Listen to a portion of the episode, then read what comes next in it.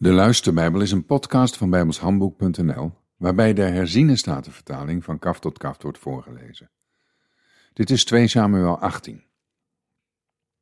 David monsterde het volk dat bij hem was en stelde bevelhebbers over duizend man en bevelhebbers over honderd man over hen aan. Verder stuurde David het volk erop uit, een derde deel van het volk onder bevel van Joab, een derde deel onder bevel van Abisai, de zoon van Seruja, de broer van Joab, en een derde deel onder het bevel van Itai, de Getiet. En de koning zei tegen het volk, ik zal zelf ook zeker met u uittrekken. Maar het volk zei, u mag niet met ons uittrekken, want als wij soms moeten vluchten, zullen wij hun niet aan het hart gaan. Ja, al zou de helft van ons sterven, zullen wij hun niet aan het hart gaan. U bent nu echter evenveel waard als tienduizend van ons. Het is nu beter dat u ons vanuit de stad tot hulp bent. Toen zei de koning tegen hen: Ik zal doen wat goed is in uw ogen. En de koning stond terzijde van de poort, en al het volk trok uit in afdelingen van honderd en van duizend. En de koning gaf bevel aan Joab, Abisai en Itai behandel de jonge Absalom met zachtheid ter wille van mij. En heel het volk hoorde het toen de koning aan al de bevelhebbers bevel gaf ten aanzien van Absalom. Zo trok het volk de stad uit, het veld in, Israël tegemoet. En de strijd vond plaats bij het woud van Ephraim. Het volk van Israël werd door de manschappen van David verslagen. Op die dag vond daar een grote slachting plaats van twintigduizend man, want de strijd verspreidde zich vandaar over heel dat land. Het woud verslond er die dag meer van het volk dan het zwaard er verslond. Absalom stuitte op de manschappen van David, terwijl Absalom op een muildier reed. Toen het muildier onder de dichte takken van een grote eik kwam, kwam zijn hoofd vast te zitten in de takken van de eik, zodat hij bleef hangen tussen hemel en aarde en het muildier dat zich onder hem bevond, liep door. Toen een man dat zag, vertelde hij het aan Joab. Hij zei, zie, ik heb Absalom in de takken van een eik zien hangen. Toen zei Joab tegen de man die het hem vertelde, zie toch, als u het gezien hebt, waarom hebt u hem daar dan niet ter plaatse gedood? Dan was het aan mij geweest u tien zilverstorken en een gordel te geven.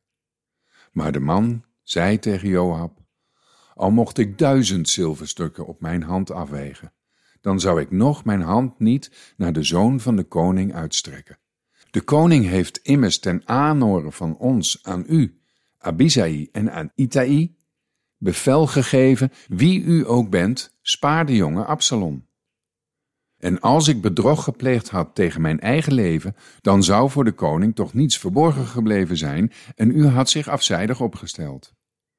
Toen zei Joab, ik blijf zo niet bij u wachten. Hij nam drie speren en stak ze in het hart van Absalom, terwijl hij nog levend in het midden van de eik hing. En tien knechten, wapendragers van Joab, omringden hem. Zij sloegen Absalom en doodden hem. Toen blies Joab de bazuin en heel het volk keerde terug van de achtervolging van Israël, want Joab hield het volk tegen. Zij namen Absalom, wierpen hem in het woud in een grote kuil en richtten een zeer grote hoop stenen boven hem op.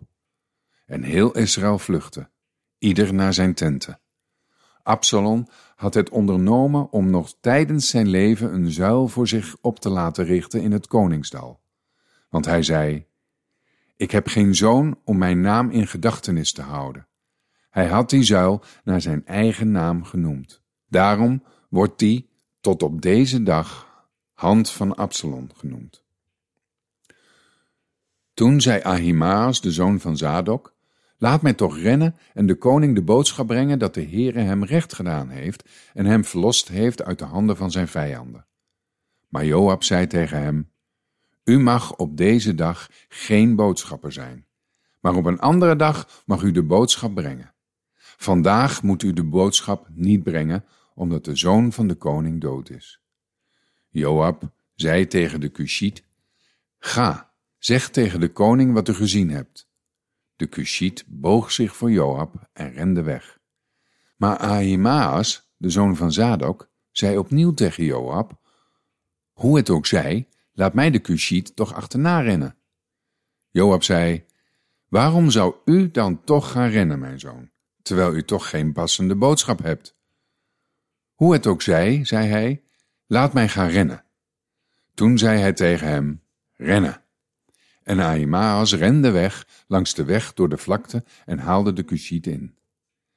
David zat tussen de twee poortdeuren en de wachter ging het dak op van de poort bij de muur.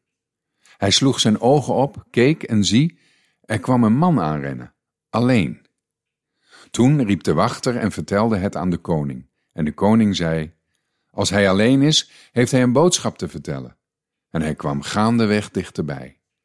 Toen zag de wachter een andere man aankomen rennen, en de wachter riep naar de poortwachter en zei, zie, er komt nog een man alleen aanrennen.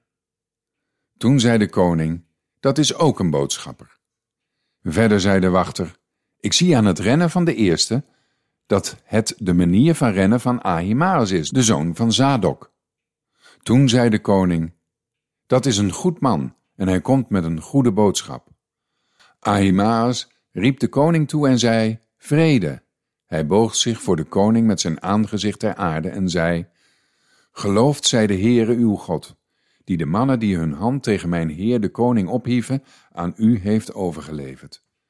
Toen zei de koning, is het goed met de jongen met Absalom?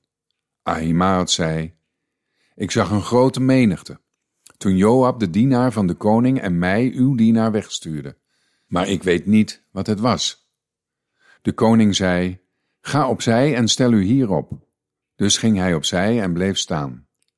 En zie, de Cushiet kwam, en de Cushiet zei, aan mijn heer de koning wordt de boodschap gebracht dat de Heere u vandaag recht heeft gedaan en u verlost heeft uit de hand van allen die tegen u in opstand waren gekomen. Toen zei de koning tegen de Cushiet, is het goed met de jongen, met Absalom? En de Cushiet zei, mogen de vijanden van mijn heer de koning en allen die tegen u in opstand komen om u kwaad te doen, worden als die jongen. Toen sidderde de koning hij ging naar het bovenvertrek van de poort en huilde. Al gaande zei hij dit. Mijn zoon Absalom, mijn zoon, mijn zoon Absalom, och was ik maar in jouw plaats gestorven, Absalom. Mijn zoon, mijn zoon. Tot zover.